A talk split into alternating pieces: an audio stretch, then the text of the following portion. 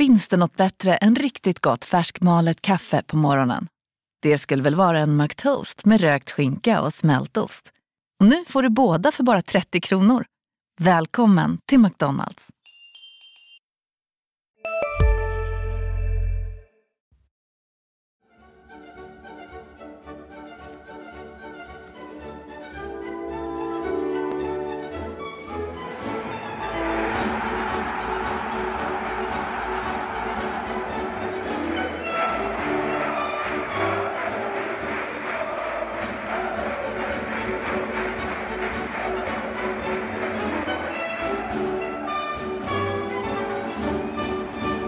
Marian Svab har vi skickat till Bokmässan och därför fick vi plocka in en vikarie, även han med skäggväxt, så vi eh, gick på den enda vi kunde hitta. Nej, så är det inte. Vi är stolta att få hit landslagskapten och HF-kapten Andreas Granqvist till HF-podden. Välkommen! Tack så jättemycket. Uh, ja, känner du igen uh, jingeln? Ja, jag, du var, hjälpte mig lite på tråden, men det var väl den vi vandrade in till för några år sedan tillbaka. Ja, det var nog före din tid till och med.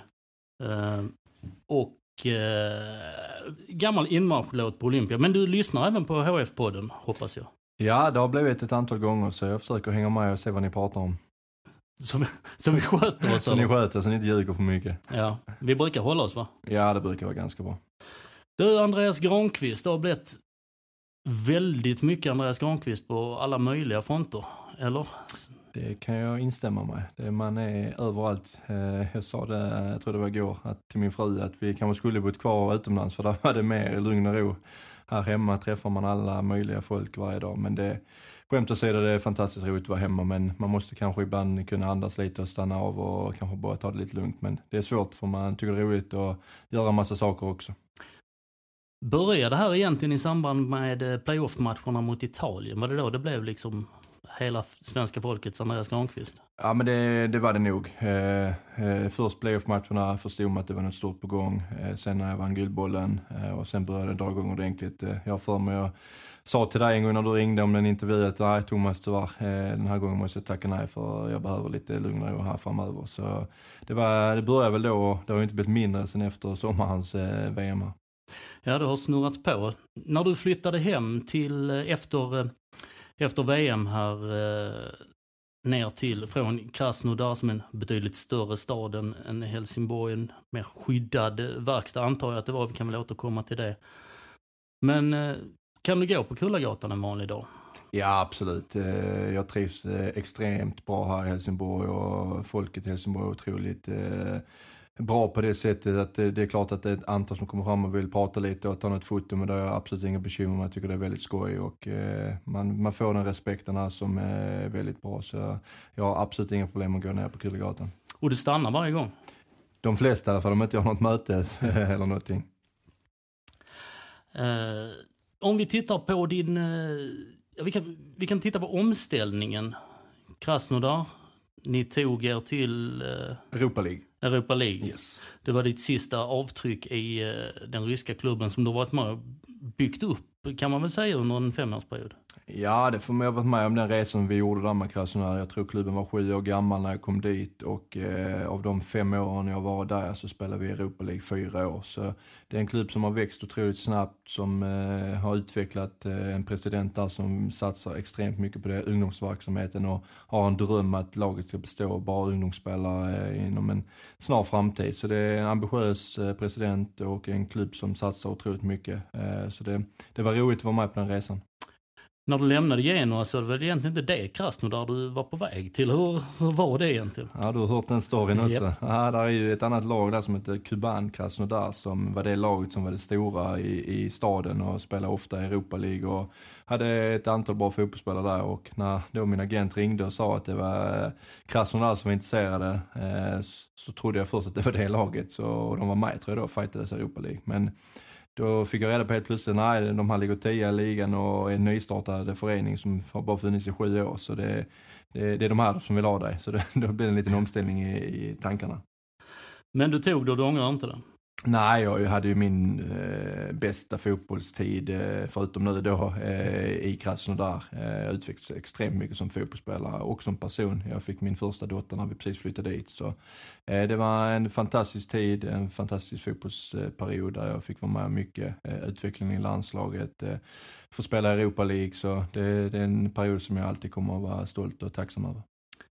Krasnodar då och sen ett, ett VM som vi alla minns och kommer minnas länge och sen hem till superettan. Stadsparksvallen i Jönköping och sen har det rullat på med storheter som ingen skugga över de som föreningar men eh, Brage och Frej och Norrby. Hur har omställningen varit, handen på hjärtat?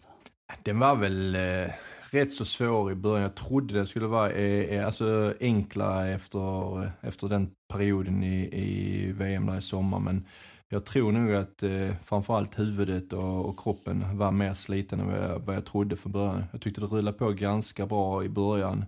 Sen kände jag där inför ögat, jag började känna mig lite dålig i halsen och mådde inte riktigt bra och eh, kände att jag var trött eh, sista 20-30 minuter tror jag sa till dig efter matchen att jag, jag var helt slut när det var 20 minuter kvar. Eh, så där fick jag mig en liten tankeställare att jag kanske inte riktigt var så fräsch som jag trodde jag var efter VM. Men, men nu senare, senare tid här efter sjukdomen där inför Turkiet-matchen eh, så känner jag nu att nu, nu är jag på rätt väg igen. Kroppen mår bra igen och jag känner mig pigg och fräsch. Så det var nog en större omställning framförallt på det sättet att jag var, jag var nog rätt sliten efter en eh, tuff period här i sommar. Men annars om man tänker på fotbollsbiten, träningsbiten och kvalitetsmässigt så tycker jag det har varit ganska bra faktiskt den största skillnaden kanske är spelförståelse, både ibland med medspelare men också motspelare, hur de agerar i olika situationer. Men jag tycker jag kommer in i det mer och mer och jag tycker vi är ett lag som har utvecklats under de här, den här perioden jag har varit hemma. Ja, ni ju, har inte förlorat en match sen, eh, sen du kom hem. Tre kryss är det väl? Två kryss va? Två kryss. Degerfors. Eh, Eskilstuna. Eskilstuna, ja. Och sen bra. Sex vinster. Precis, bra radat upp.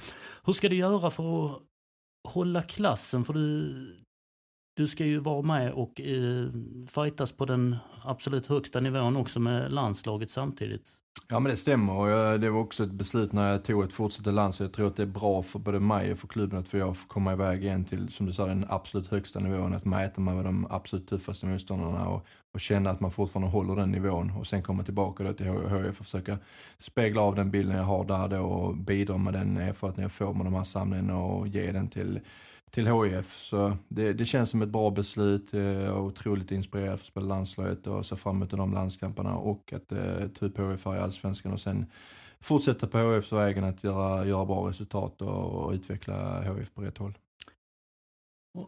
Sen har du ändå samtidigt spelat i princip oavbrutet i ett år. Hur, Ja, det har blivit länge. Normalt sett efter ett VM eller ett slutspel så har man i alla fall en två, tre veckor kanske man får eh, helt ledigt innan man ska samlas i sina klubbar ute i Europa. Och, eh, eh HF drog igång, tror jag det var sex sju dagar efter jag kom hem från sommaren och, och jag kände väl själv att jag ville vara med från början. Att eh, lära känna med laget, få den här träningsmatchen eh, i benen och få känna på det riktigt. Eh, så det var eh, mitt egna beslut med då, föreningen och PO och jag kände det var rätt då. Eh, och jag känner fortfarande det var rätt. Men, eh, så det, det, det har inte varit mycket, mycket ledighet så här långt men det är någon månad till sen får vi ett, ett bra break här i vinter.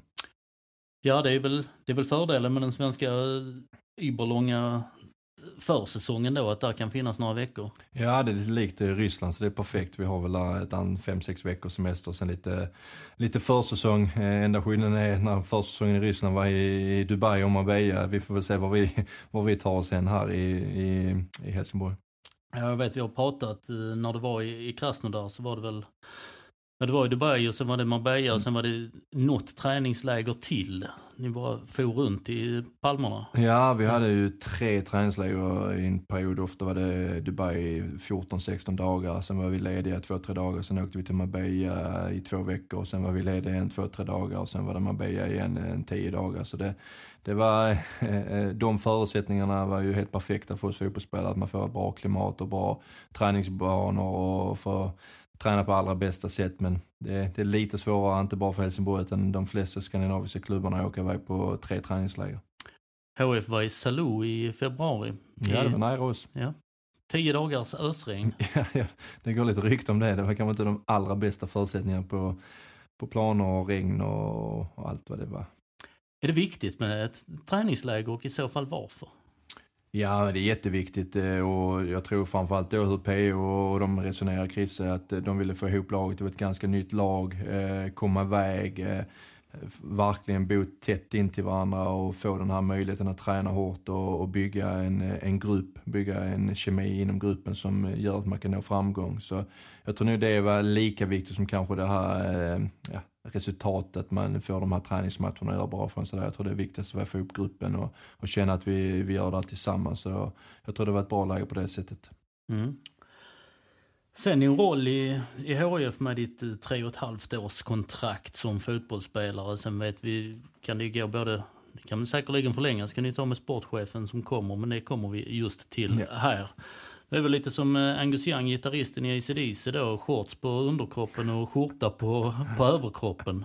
Hur är det med, du har ju redan glidit in i sportchefsrollen på något sätt. Ja, men det har blivit så. Det har nu blivit lite mer än vad jag kanske hade förväntat mig när jag flyttade hem. Eh, det blev ju så att vår klubbdirektör blev sjukskriven och mycket mer fall på, på mig och eh, styrelsen kanske och PO. Eh, så det, det blev lite mer skarpt läge direkt. Eh, men samtidigt jag tyckte det var väldigt roligt. Eh, det har gjort att jag kommit snabbare in i den här rollen. Eh, och fått eh, känna på hur det fungerar och lösa olika saker och ting. Så eh, jag det är spännande. Eh, sen är det som jag sagt så flera gånger innan att det viktigaste för mig är fotbollsspelarna. att jag ska göra resultat på planen och, och spela bra fotboll. Men Eh, jag har så här långt kunnat kombinera det på ett väldigt bra sätt och kunna charma av när det är sportchefsrollen och när det är fotbollsrollen. Ja, för på något sätt då så är du ju, även inte officiellt än, så blir du ju chef över din egen chef, eller dina egna chefer på något sätt. Ja, och då har jag varit ganska tydlig med att jag är absolut inte spelarnas chef eller tränarens chef. Eh, det är de, PO är chef över mig och sen är jag en i, en i laget, jag är lagkapten för spelarna. Sen är jag klart med i de här diskussionerna om, eh, om spelare som kanske ska in eller som ska ut eller hur vi ska bygga för framtiden. Men när vi väl är på planen och när det väl är full fokus på fotbollen så är jag en, en, en i gänget bara. Jag satt här, eller stod här i det här rummet, Gröningen heter det på eh, HD-redaktionen. Graningen, ska vi döpa om det till det? Ja, var din idé? alltså, ja, jag tar på mig det. Ja. jag hörde att någon hade sagt det när det var full fart och VM, att eh, jag hade en gran där nere som nu eh, har flyttat sig till, till Olympia. Så det, ja, det var helt fantastiskt att få se den när jag väl kom hem. Eh, man, man fattar inte hur, riktigt hur stor den var. Nej, precis. Men här inne uh, i poddstudion så sa jag att eh, i våras att eh, det kommer inte bli några spetsvärvningar överhuvudtaget. Det är Andreas Granqvist, det är otroligt i sig att, eh, att han kommer. Marian Svab stod på, på din sida där och, och höll med mig. Sen smäller det till Rasmus Jönsson, Wanderson, Marcus Holgersson. Hur har det gått till?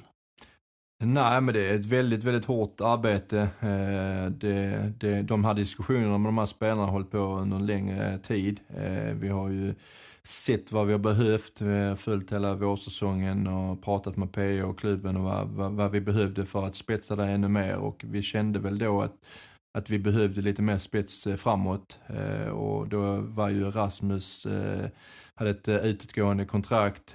Jag som har följt uh, Wanderson väldigt nära och väldigt väl visste att han hade ett kontrakt i, turkiska klubben som blev, de, jag bröt helt enkelt så det, han var också free. Så vi hade ju en tight konversation med båda två.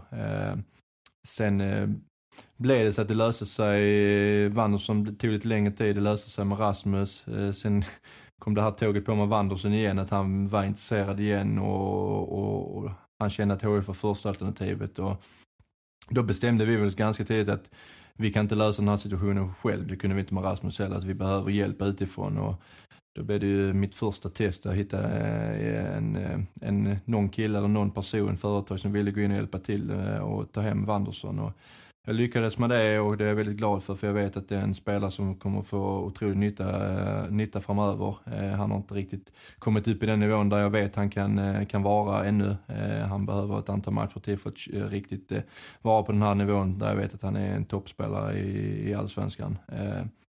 Och sen sist eh, var det Holgersson som vi också var, vet vad vi får in. Det är en otrolig ledartyp, ledarmänniska både på och utanför plan och, och kan hjälpa till att dra det här lasset. En eh, kravställare som eh, kan hjälpa till att eh, ja, visa för de yngre och de som kommer in utifrån vad som krävs för att spela i Helsingborgs IF. Så vi fick till den här perfekta mixen och eh, det känns som att den stabiliteten vi har haft här nu för, eh, de, ja, sen, sen när vi började här hösten har varit väldigt, väldigt bra. Så det, det, det känns, känns tryggt så här långt. Var det det du kastades in i då i den nya sportchefsrollen som att eh, det pratas om spelare, du pratar med spelare och styrelsen säger att ja, men det här var ju roligt men vi har inga pengar, det får du, kan du lösa det eller hur? och så lyfter du luren till någon. Ja, med Rasmus var det väl ett längre arbete och det, den, den eh, situationen i och med att det var ett eh, korttidskontrakt kunde vi lösa på ett lite smidigare sätt. Eh, när det var Wanderson så krävdes det lite mer, eh, framförallt eh, direkt så att säga här fram till efter säsongen. Och, där fick jag och vi jobba stenhårt för att hitta den här personen som var villig att gå in och hjälpa till och det är jag otroligt stolt och tacksam för. Och, det gör också att vi sätter vår trupp i mer konkurrens, eh, det blir tuffare träningar, eh, bättre kvalitet på träningarna eh, och det krävs för att nå resultatet som vi är ute efter. Så det, jag är väldigt glad att nå en överenskommelse med Wanderson och vi som klubb är otroligt glada.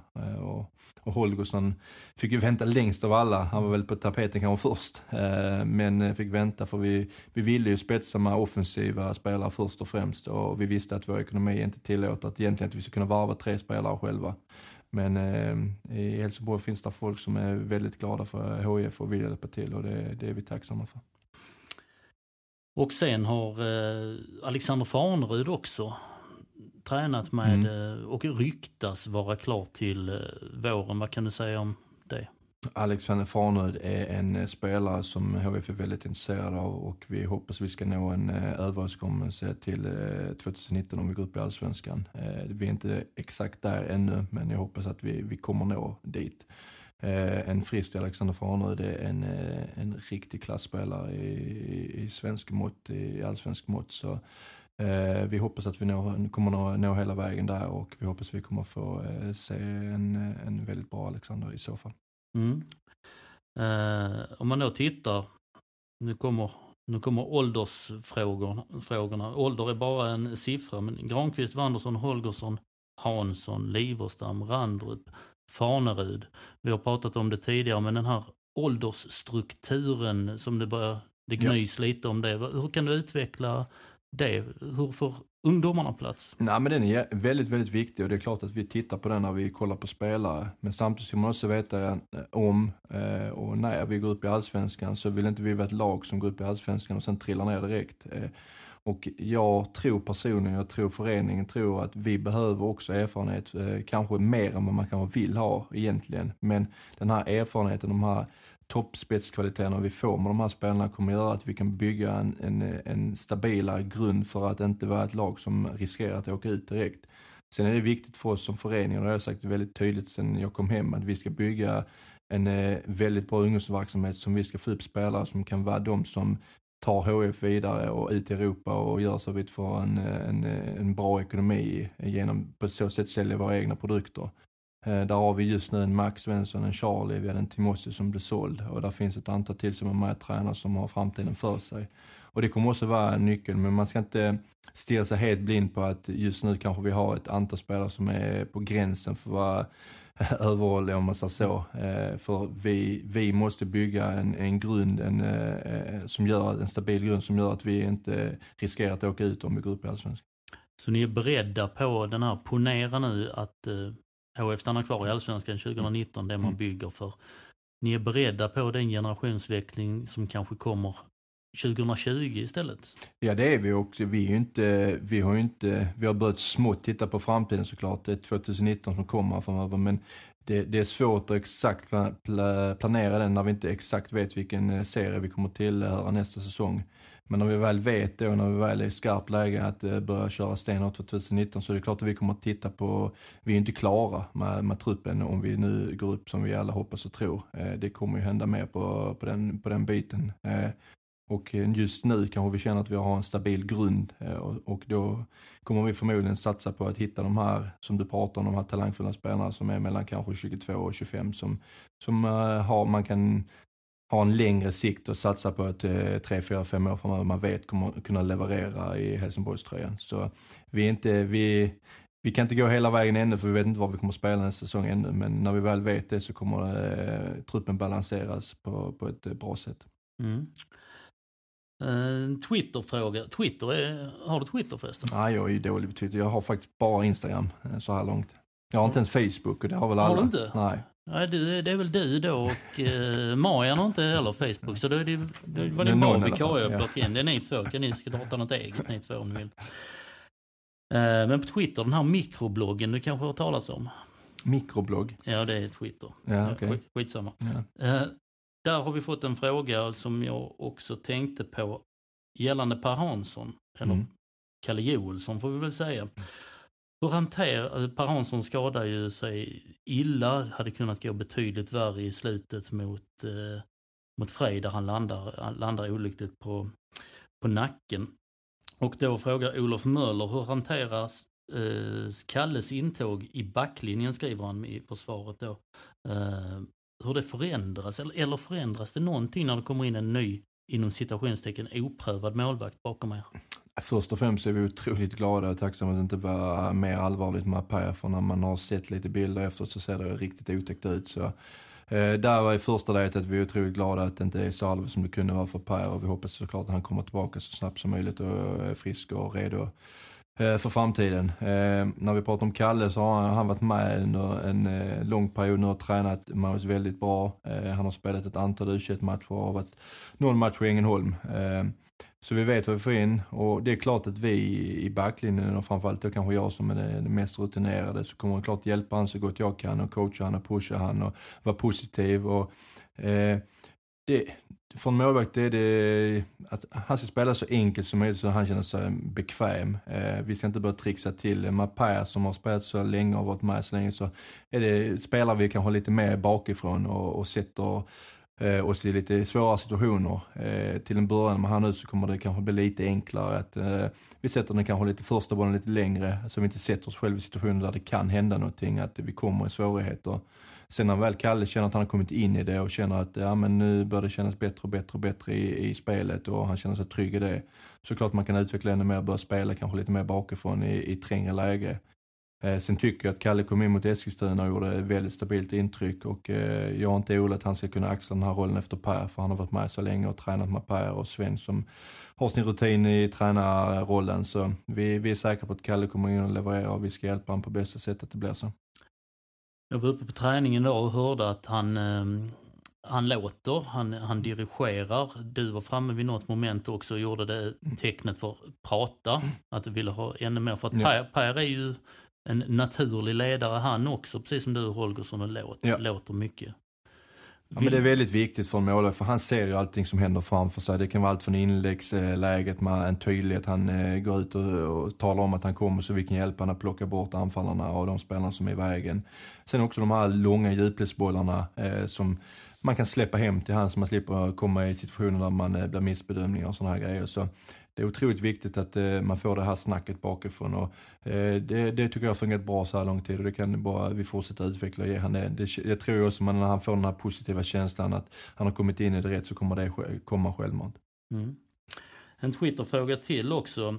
Eh, vet inte hur mycket du kan kommentera på, på detta men vad vill du se förstärkningar, ökad konkurrens inför nästa säsong?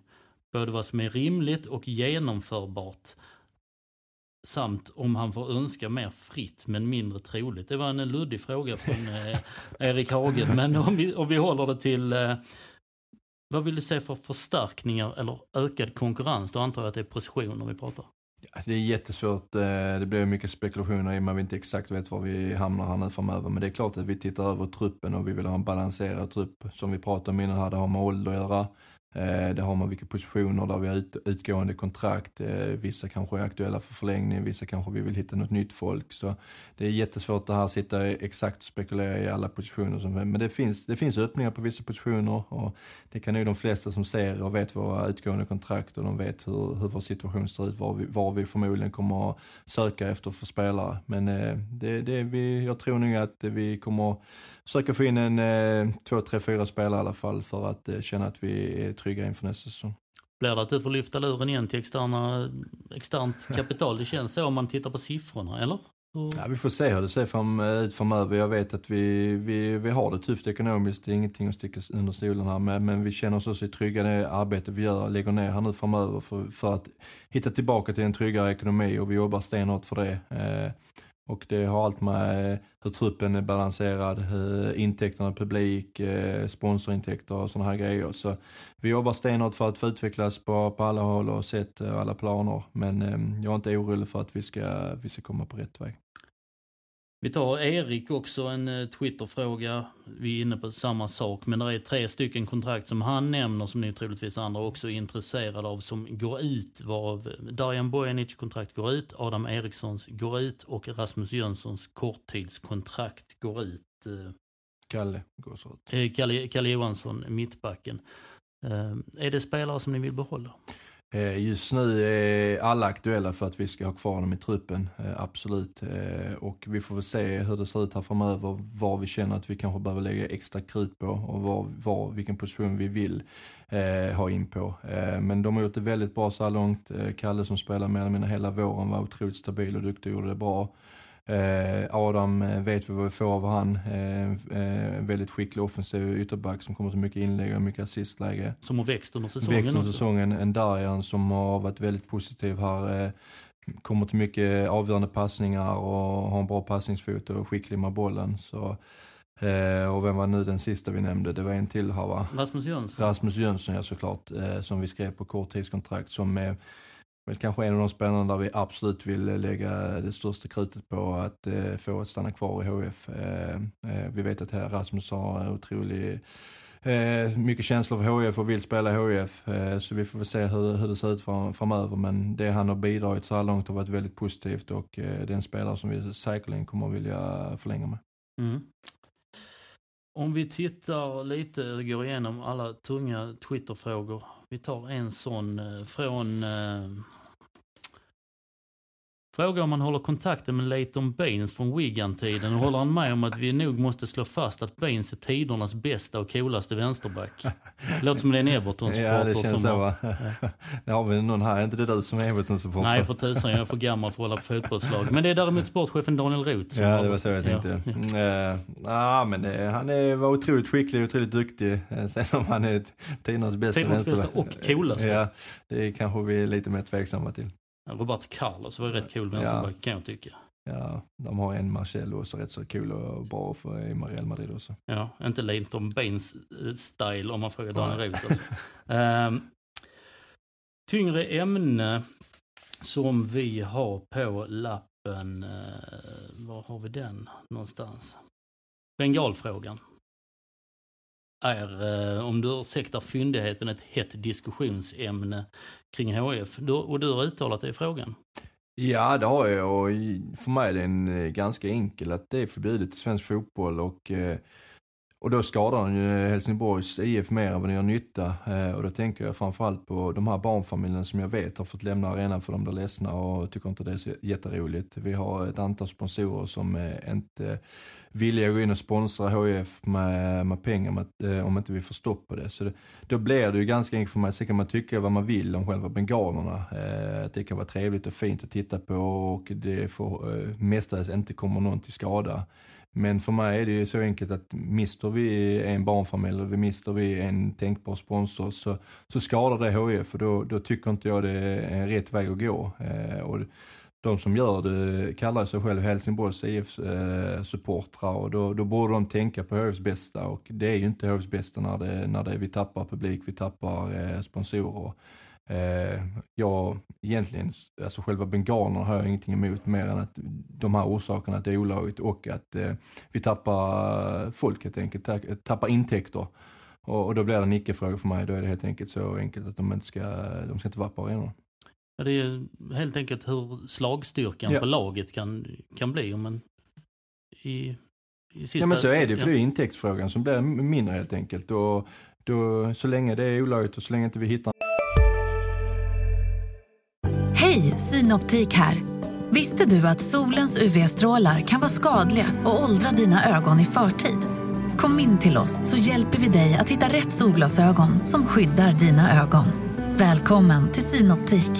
Dagens vinnarprognos från Postkodlotteriet. Postnummer 65209, klart till halvklart och chans till vinst. 41101, avtagande dimma med vinstmöjlighet i sikte. Övriga 10 500 postnummer soligt och möjlighet att vinna. Oavsett när sommaren kommer till dig så kan du och dina grannar få dela på 48 miljoner i sommaryran. Ta chansen nu i maj på Postkodlotteriet.se. Åldersgräns 18 år. Kontakta stödlinjen om du eller någon anhörig spelar för mycket. En väg där det kan bli lagligt så då ska det inte finnas på arenorna. Och, och vi hade ju en jätteincident i Stockholmsderbyt som var ja, mer eller mindre helt sjukt när de kastade en bengal mot en, eh, mot en familj. Det är Eh, från Djurgårdsläktaren in på Hammarbys Precis, barn, eh, precis. Och det eller kunde- familjeläktare. Ja, så. och det Ja. kunde ju gått riktigt, riktigt illa. Eh, och, eh, nu har vi inte haft den händelsen på Helsingborgs eh, IF ännu, men eh, jag, jag tycker att det är man Helsingborgs IF-supporter och, och man vill bäst för HF, då, då, då lägger man ner bengalerna helt enkelt. Så är det bara. Eh, tills vi hittar en väg som är legaliserad och vi kan göra det på ett, på ett bättre sätt helt enkelt. Tydligt. Åter till Ryssland. Finns det någonting du saknar med Ryssland? Eh, det är väl klart Ja, att- förutom lönen. Ja, det var lite skillnad på den. Nej, men det är väl klart att eh, fotbolls... Eh, alltså jag hade ju en fantastisk tid där fotbollsmässigt. Eh, jag fick vara med om otroligt mycket. Eh, min första, eh, första möjlighet att spela Europa League-fotboll. Eh, var väldigt nära för att komma ut och spela Champions League, men vi nådde tyvärr inte hela vägen dit. Så det, så det är väl klart att jag saknar laget och, och föreningen. Eh, men det, hemflytten till Helsingborgs IF vägde ju över eh, rätt så mycket om man säger så. Eh, eh, familjens eh, eh, lycka att få flytta hem igen eh, och allt vad det innebar. Så jag har aldrig ångrat det här beslutet att flytta hem till HF. Just flytta hem till HF efter VM om man tittar på eh, kvällstidningarnas eh, sådana här VM-bilagor. och Det fnissades för det var Andreas Granqvist, det var Ronaldo och det var Lionel Messi och så. Sen åkte ju den ena och den andra och du stannade kvar. Kom det några bud någon annanstans ifrån? Eh, nej, det var ett antal klubbar som visade intresse och, och frågade om möjligheten. Eh, men det var inte på det, eh, den nivån där jag kände att det var aktuellt att börja prata. För eh, jag var ganska tydlig med att skulle det vara aktuellt att jag stannar ute så ska det vara någonting som inte går att tacka nej till och där var vi inte. Vad pratar vi då? Pratar vi... eh, Nej men det är ett lag som spelar Champions League som kanske var med och fightades i, i, sin, i sin liga och om titlar helt enkelt. Och, eh, en svensk gammal 33-åring, det är nog inte så enkelt att hitta den, den klubben. Om det kommer någonting nu i vinter då? Eller du vill ha semester? Jo, det är semester. Nej men det, jag, jag, jag har, när jag väl bestämde mig för att flytta hem så var det ganska enkelt. Jag är en person som inte brukar ångra mig och det var väl genomtänkt det här beslutet.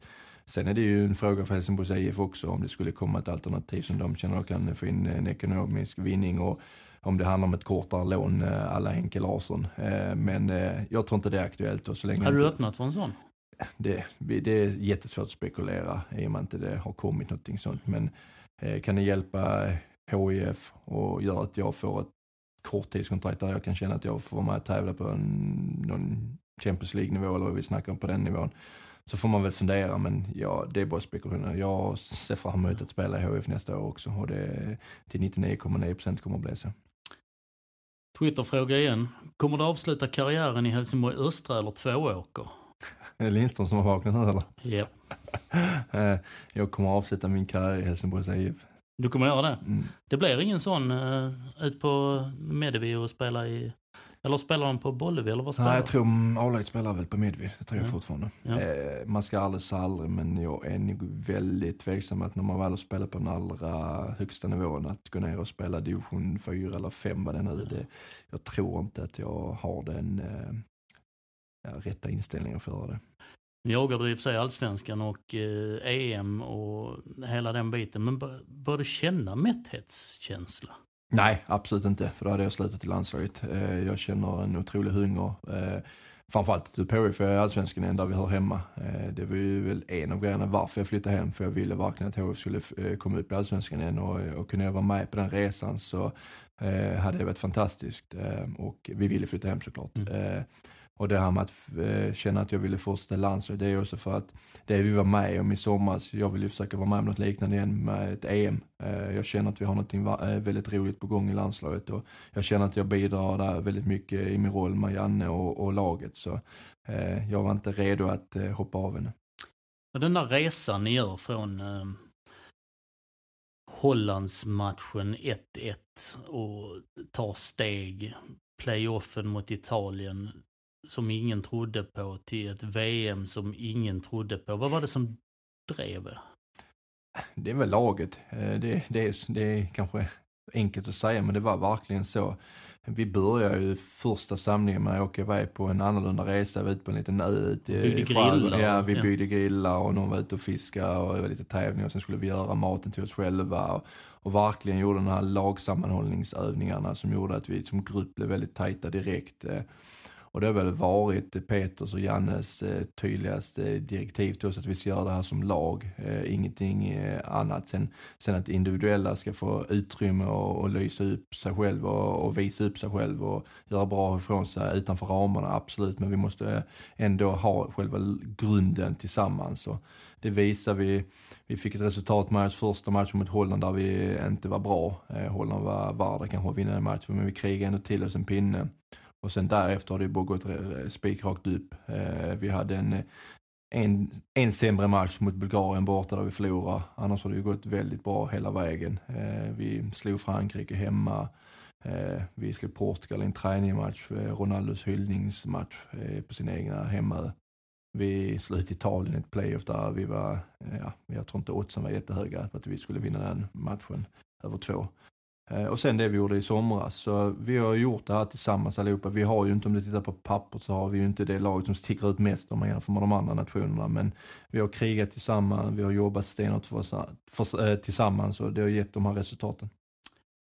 I, eh, du, verkar, du brukar säga att du är nervös. Samtidigt så är du på något sätt iskall inför uh, inför det som komma skall. Jag vet playoff-matchen inför Italien så eh, snackade vi i telefon i en och en halv timme långt in på senkvällen om eh, lite fotboll och så både om ditten och datten och framtid och jobb och sånt.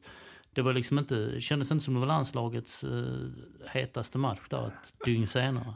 Ja, jag är ganska bra på att eh, slappna av mellan matcherna men eh, bortamatchen mot Italien i Milano eh, matchdagen, det är den mest otäcka dagen i mitt liv alltså. Beskriv den. Ja, det var, alltså pulsen var konstant hög.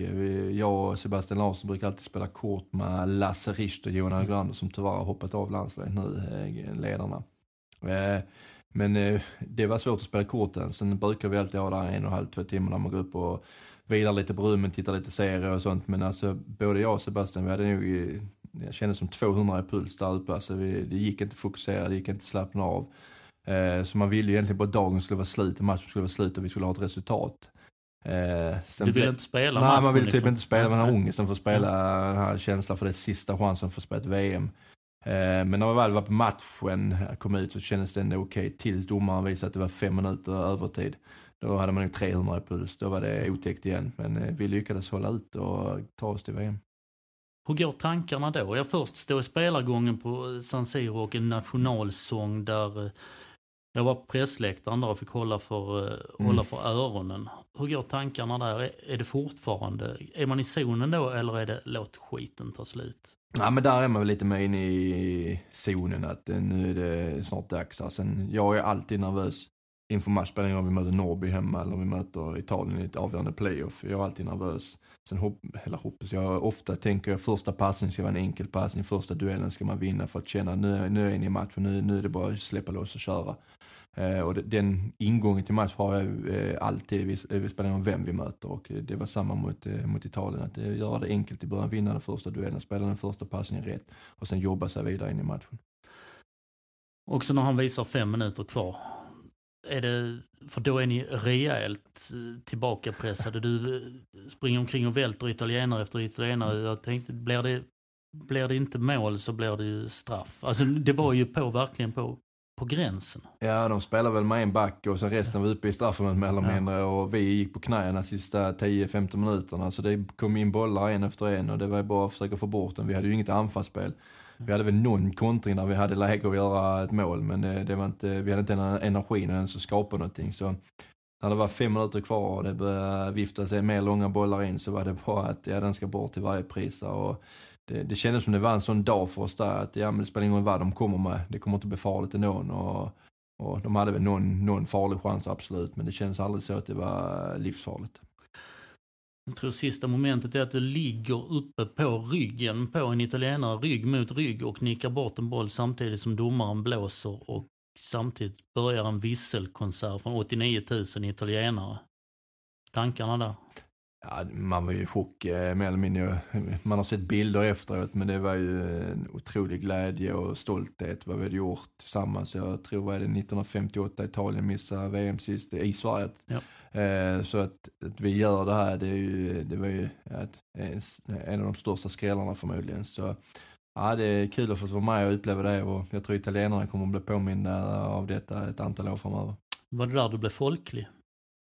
Ja men, det, ja men det började nog bli där. Man märkte där, jag tror det var Filip och Fredrik som eh, hade något eh, program i Breaking News som mer eller mindre bara handlade om mig där, granen med svenska folket. Och jag tror det var Ola Toivonen eller någon som sa när vi kom in i omklädningsrummet efter några minuter, en kvart bara så du vet nu, du, det, det kommer hända saker och det, det skrivs om dig. Filip Fredrik har gjort någon hyllning till det. Och, och jag fattar inte riktigt vad han menar med det och sen blev det bara mer och mer. Och, Samtidigt fantastiskt roligt såklart, för jag har haft en period i, i landslaget som kanske inte alltid varit så rolig hela tiden. Så eh, jag var tryggt glad och stolt, men som jag alltid har försökt vara tydlig med, vi gjorde det här tillsammans. Det var inte en spelare, utan det var hela laget. Ja, du har väl haft en landslagskarriär som börjar med en eh, januari till när 2000, Sex. 2006, kom in 2010 sen mer. Och, Jag kom in eh, sju, var med i EM 2008. Just. Eh, var med med att titta där kan man väl säga, lära och se. Det var eh, tre rutinerade herrar framför mig. Sen var det väl tio och gick, eh, nej tio var kvalet till VM va, vi missade. Mm. Sen efter det kom Hamrén och så spelade jag fram då 12. Eh, eh, och, och det var du och Jonas Olsson och Ja, fram och 12 var det, 12 var det, eller Mellberg fortfarande. Eh, sen lämnade han 12 så blev det jag och Jonas Olsson. Och vi hade väl lite, ja, bra prestationer ett antal gånger men ett antal gånger som inte var lika bra. Eh, och det var mycket skriveri då. Sen kom ju Antonsson och Pelle in ett tag och tog över där ett tag inför kvalet där 2010 eh, inför VM när vi missade. Sen tog jag väl över platsen igen, eh, 14 eh, var det, sen tog jag över platsen igen till 16 och sen 18 då. Så jag hade väl en period där det var lite svängigt. Ja. Och fick binden då eh, just i samband med grillningen eller i 2016 när, Mm. eh, när Jan Andersson kommer in. Yes. Vad betyder er relation? Jag skrev eh, i någon krönika nere i, eller borta i Ryssland att eh, när ni kommer in och sätter er på, på podiet så hade det kunnat vara som i en byggbod på ett asfaltsarbete någonstans mellan Helsingborg och Halmstad. Det är två gubbar som bara snackar fotboll. Sen råkar det vara ett VM-podie. Hur är er relation? Men vi har en väldigt eh, nära, tajt relation, en väldigt vänskaplig relation och som du sa väldigt avslappnad. Vi, vi kan prata om allt från fotboll till livet till eh, skämta om allt möjligt. Så, eh, otroligt lätt människa att ha att göra med, eh, otroligt prestigelös och, och lyssnar in från, eh, från mig som lagkapten men också från laget. Så vi har väldigt mycket att vara med och, och, eh, delaktig delaktiga i olika saker. Hur vi, hur vi kanske tränar, hur kanske taktiken ska se ut i vissa matcher. Han kommer och frågar om det kanske inte har stämt någon match, hur vi kan rätta, på saker, rätta till saker.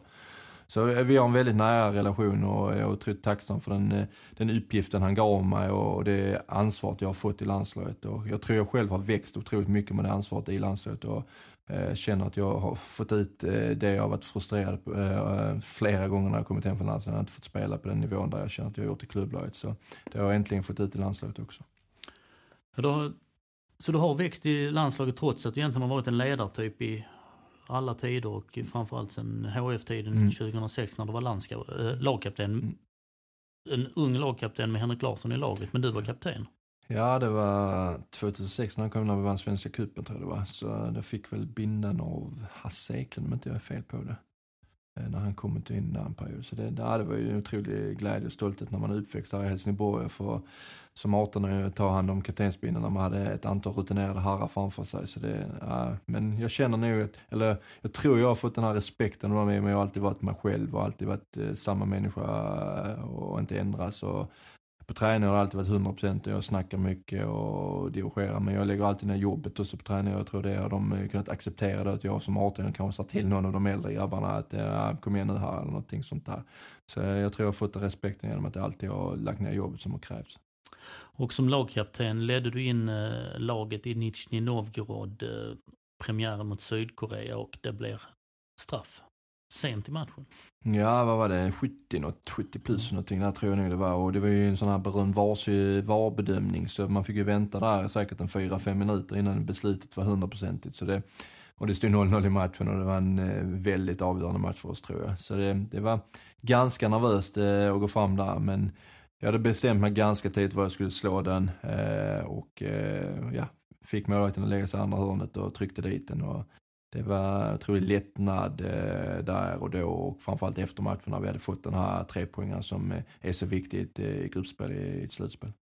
När du står där på straffpunkten, hur stor betydelse hade det att Hasse Jönsson på det tivoli stod på läktaren bakom mål och skrek allt för de röde? Otroligt eh, mycket. Ja. Hasse han är skön, så han har fått några goa sms efteråt. Ni går vidare där, eh, vinner matchen mot Sydkorea, flyger ner till Sochi. Eh, bekant mark för att eh, Krasnodar-regionen där du själv har varit och ni låg ju i Glenchik inte särskilt långt, långt därifrån och eh, möter världsmästarna Tyskland. Beskriv den matchen. Men där, där kände vi nog inför matchen att ja, men det, det är klart att det är ett fantastiskt motstånd. Eh, en, en, nation som är mer eller mindre alltid toppfavoriter eh, inför ett mästerskap. Men vi kände också med den här vinsten i, eh, från första matchen att vi kan gå in mer avslappnat och bara spela vårt spel. Och, och, och visst, de hade förlorat så de hade allting att de förlorade mot Mexiko och de hade allting att förlora om de skulle vara ute om de förlorade den här matchen. Så jag eh, tycker vi gör en väldigt, väldigt bra match. Eh, de är starka första tio där vi är lite tillbakatryckta ordentligt. De har någon chans. Men sen efter kommer vi in i matchen tycker jag på ett bättre sätt. Vi ska ju ha en straff och ett eh, friläggsutvisning. Vi får inte den helt otroligt.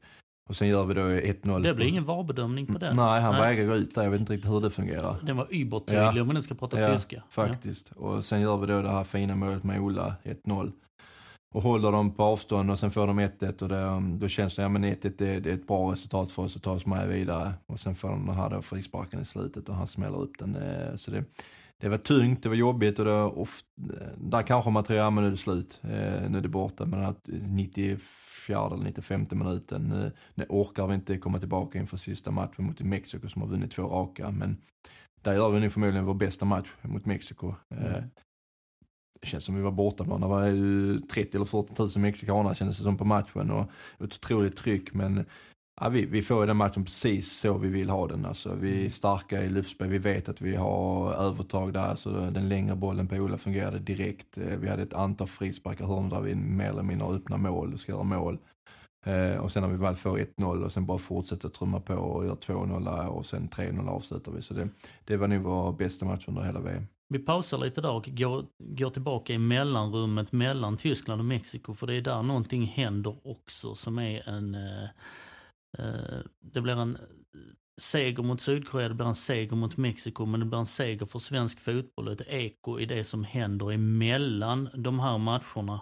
Eh, jag tänker på Jimmy Durmas mm. som eh, jag var faktiskt den som ställde frågan till honom att eh, eh efter den här hatstormen som kom på eh, sociala medier och jag ställde hur, hur kan man ta en sån grej? Så, så, det är lugnt, jag är mm. van. Har man fått det hela livet så är det inga problem.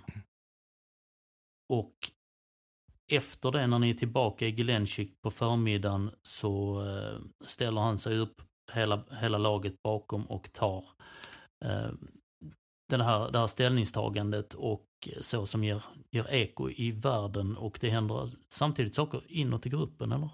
Ja men så var det väl lite. Först var vi ju otroligt besvikna och förbannade att vi hade släppt in mål där i slutet och sen får man ju reda på det en halvtimme efteråt att det börjar komma in otroliga idiotiska hot mot Jimmy då eh, efter den situationen som hände och det är helt ofattbart. Och eh, det var väl mer då en, man var ledsen och besviken och förbannad och sen åker vi hem såklart direkt efter matchen och sen dagen efter börjar vi, eller det var kanske redan på kvällen där för vi tror vi spelade, eh, ja vi var på kvällen när vi flög och sen på kvällsmiddagen där när vi kom hem sent så tror jag vi började redan diskutera om inte vi ska göra något tillsammans, ska vi bara lägga ut någonting på Instagram eller fotbollförbundets hemsida eller ska vi göra något riktigt där inför media dagen efter och sen fick vi sova på saken och sen eh, dagen efter frågade vi då Jimmy såklart, vill du göra något, vad känner du? Eh, ska vi bara lämna det bakom eller vill du, vill, ska, vi, ska jag och Janne säga något eller vill du själv säga någonting? Eh, och då beslutade Var det du och Janne eller vilka var det Nej, det var hela laget, det var många andra och ledare och, och, jag kommer inte ihåg exakt vem som var mest driven. Informellt ja. liksom? Ja. När vi bara satt och snackade allmänt och sen tror jag ledarna, Lasse Richtelen, gick väl till Jimmy själv och frågade, ska vi göra något, vill du själv prata eller? Eh, och då sa han, ja, men jag, vill, jag, vill, jag vill säga något, några, några ord eh, inför media då. Och, eh, det var ju ett otroligt starkt och, och, tydligt statement där hur vi anser och hur vi ser på den här rasismen han fick, eh, och hoten han fick eh, stå ut med efter matchen. Att det, det, för det första, eh, rasism står vi inte, det får inte förekomma på den nivån överhuvudtaget. Och, att vi då som lag går ihop tillsammans och, och står bakom Jimmy och, och, att vi är emot rasism såklart. Så det, det, var, ja, det, var ett, det var ett starkt statement allihop, som vi stod bakom allihopa. Betyder det någonting för en redan stark gruppsammanhållning? För du sa att ni har förlorat mot, mot Tyskland och det kändes, är det över nu? Ja men det man kan man väl säga att vi fick kanske lite extra energi av det då, att visa att eh, vi är starka tillsammans. Att eh, det, vi förlorar som ett lag, vi vinner som ett lag och, och, och alla kan göra misstag på en fotbollsplan. Eh, men man ska inte få stå ut med rasism och hot och sådana här trakasserier efter matcherna. Eller i var, vardagliga livet också. Det var inte bara att det får vara Jimmy utan, eh, utan eh, för alla. Att vi, vi, vi var mot detta och visade tydligt. Jag pratade med tyska kollegor eh, på plats i Ryssland och de hade ju en händelse inför där eh, det var eh, landslagsspelare som hade varit på, på bild tillsammans med Erdogan, den turkiska presidenten och sen la man locket på. Och så blev det någon typ av smältdegel inom landslaget och de sa att jag tror inte ni i Sverige fattar hur stort och viktigt det var, det som mm. landslaget gjorde. Mm. Det som Tyskland inte gjorde. Vad tror du själv? Att det...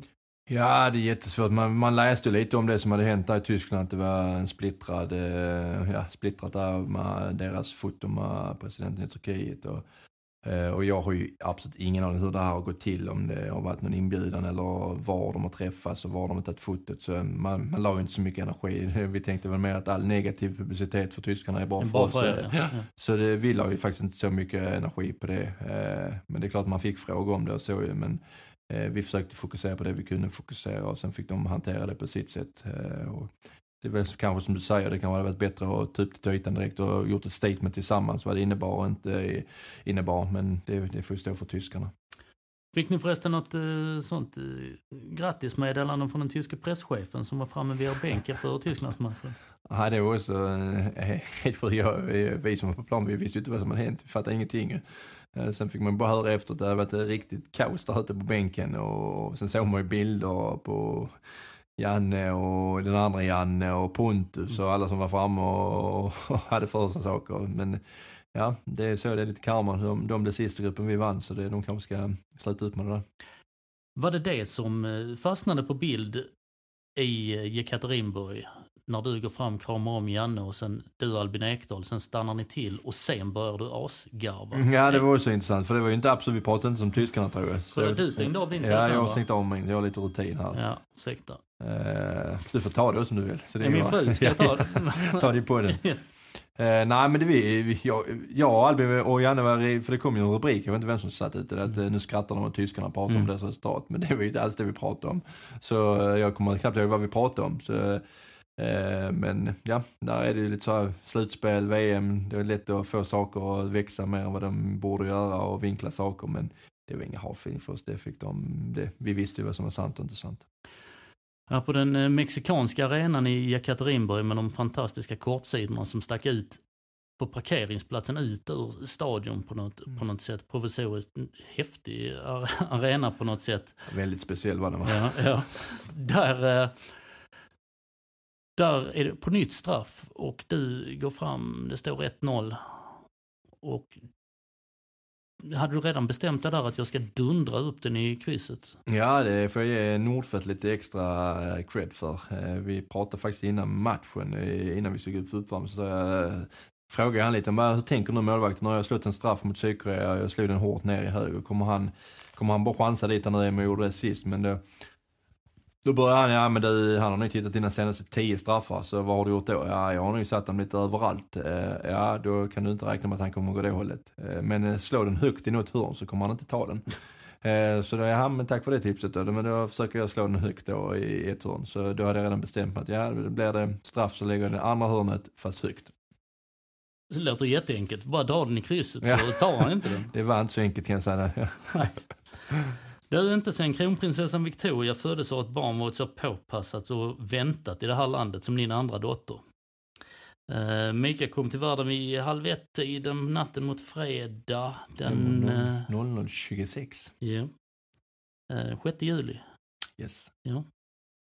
Hur var det att uh, liksom vara så passad. Men det var, det var ganska speciellt, det var det Det är ingen som, man, det är svårt att förutse vad som kommer hända när det kommer hända. Eh, det vi hade väl pratat om ganska tidigt innan var ju att kommer den eh, lilla ut mellan gruppspelsmatcherna så löser jag allt vad jag kan för att komma hem direkt eh, när det sätts igång och sen kan jag åka tillbaka eh, direkt efteråt.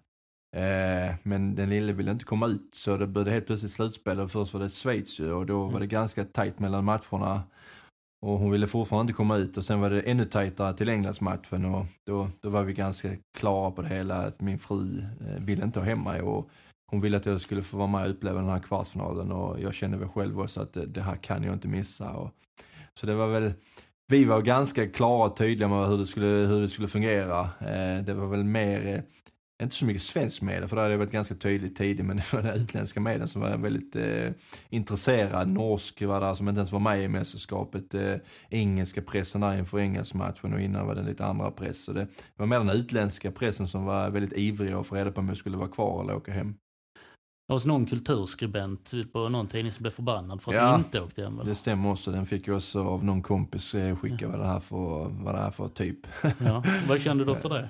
Men ja, alltså jag har ju lärt mig med att jag, jag, jag, jag bryr mig inte så mycket. Alltså, alla får rätt till sin egen åsikt. Sen, ja, försöka vinna lite billiga poäng på att ha en artikel. Det är väl, för mig är det väl ganska enkelt, det är mitt och min frus beslut vad vi gör. Och sen kan, tycker jag väl att de andra kan respektera det, vad vi vill göra och hur vi ser på saken. Men eh, att jag bara skulle åka hem och, och, och ja, tacka för mig och hoppas det går bra för Sverige utan mig, det var inte riktigt aktuellt. Tycker Sofie, din fru, också att det är för mycket Andreas Granqvist både överallt och här och där i och med att, som vi börjar med, att du ställer upp på precis allt? Eh, nej, det, ja hon sa väl senast häromdagen att vi ses knappt sen vi flyttar, flyttar hem. eh, så det, ibland kanske det blir, men jag tror det, ja, vi vet att det är nu två månader till, till säsongen är slut. Eh, sen eh, drar vi oss bort lite till eh, stugan i, i, i Sälen förmodligen och är där några extra veckor och bara för att vara oss själva och koppla av med lite, lite familj och vänner. Så eh, jag visste att det skulle bli en ganska intensiv period nu efter VM och att jag flyttade hem till HIF. Men eh, som jag sa i början, jag tycker det är fantastiskt roligt. Jag, jag, jag, ställer upp för att jag vet att det betyder mycket för HIF. Jag vet att det blir bra för HIF och, och det, det är det viktigaste för mig. Den här stugan som egentligen är ett stort jädra alphus. Eh, är det så, har du en gran inomhus? Jag hade det ju inför förra julen där uppe och då köpte jag en riktig. Det misstaget kommer jag inte göra om i kan jag säga. Vadå? Eh, det kommer bli en eh, fake plast. Eh, för jag fick ju städa hela huset för det, den barrar. jo, de, de har ju en tendens att göra det ja. när man blir gamla granarna. Jag barrar inte ännu men Nej. de barrar rätt rejält. Så det blir ju dammsugarna ett antal timmar. Så nu, nu blir det plast till, till vintern plast för dig som inte gillar konstgräs och ja. fejkade grejer. Ja men plastgräs, eh, plastgranar funkar men plastgräs funkar definitivt inte. Bra. I och med att du två veckor, då kan du vara med varenda vecka så kan vi ha svar på eh, kvar i Göteborg. Vad tror du om detta? Ja men jag tror nog att det är lite bättre än är rätt tråkig här, är inte det? Så det är väl bättre jag ställer upp eller? Ja, tycker det. eller ska han få vara med kanske? Eller? Ja, kanske. Vi, vi får se. Vi tackar dig Andreas Granqvist för att du ställde upp. Tack själv, vad trevligt.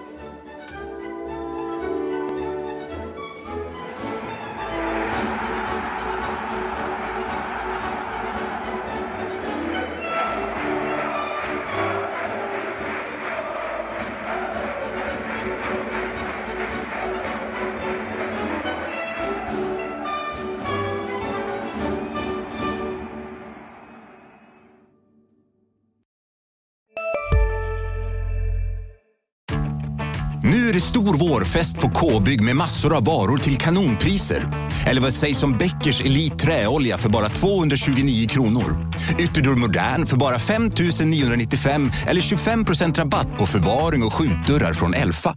K-bygg. Bygghandeln med stort K. Sista dagarna nu på vårens stora season sale. Passa på att göra sommarfint hemma, både inne och ute. Och fynda till fantastiska priser. Måndagen den 6 maj avslutar vi med Kvällsöppet i 21. Välkommen till Mio.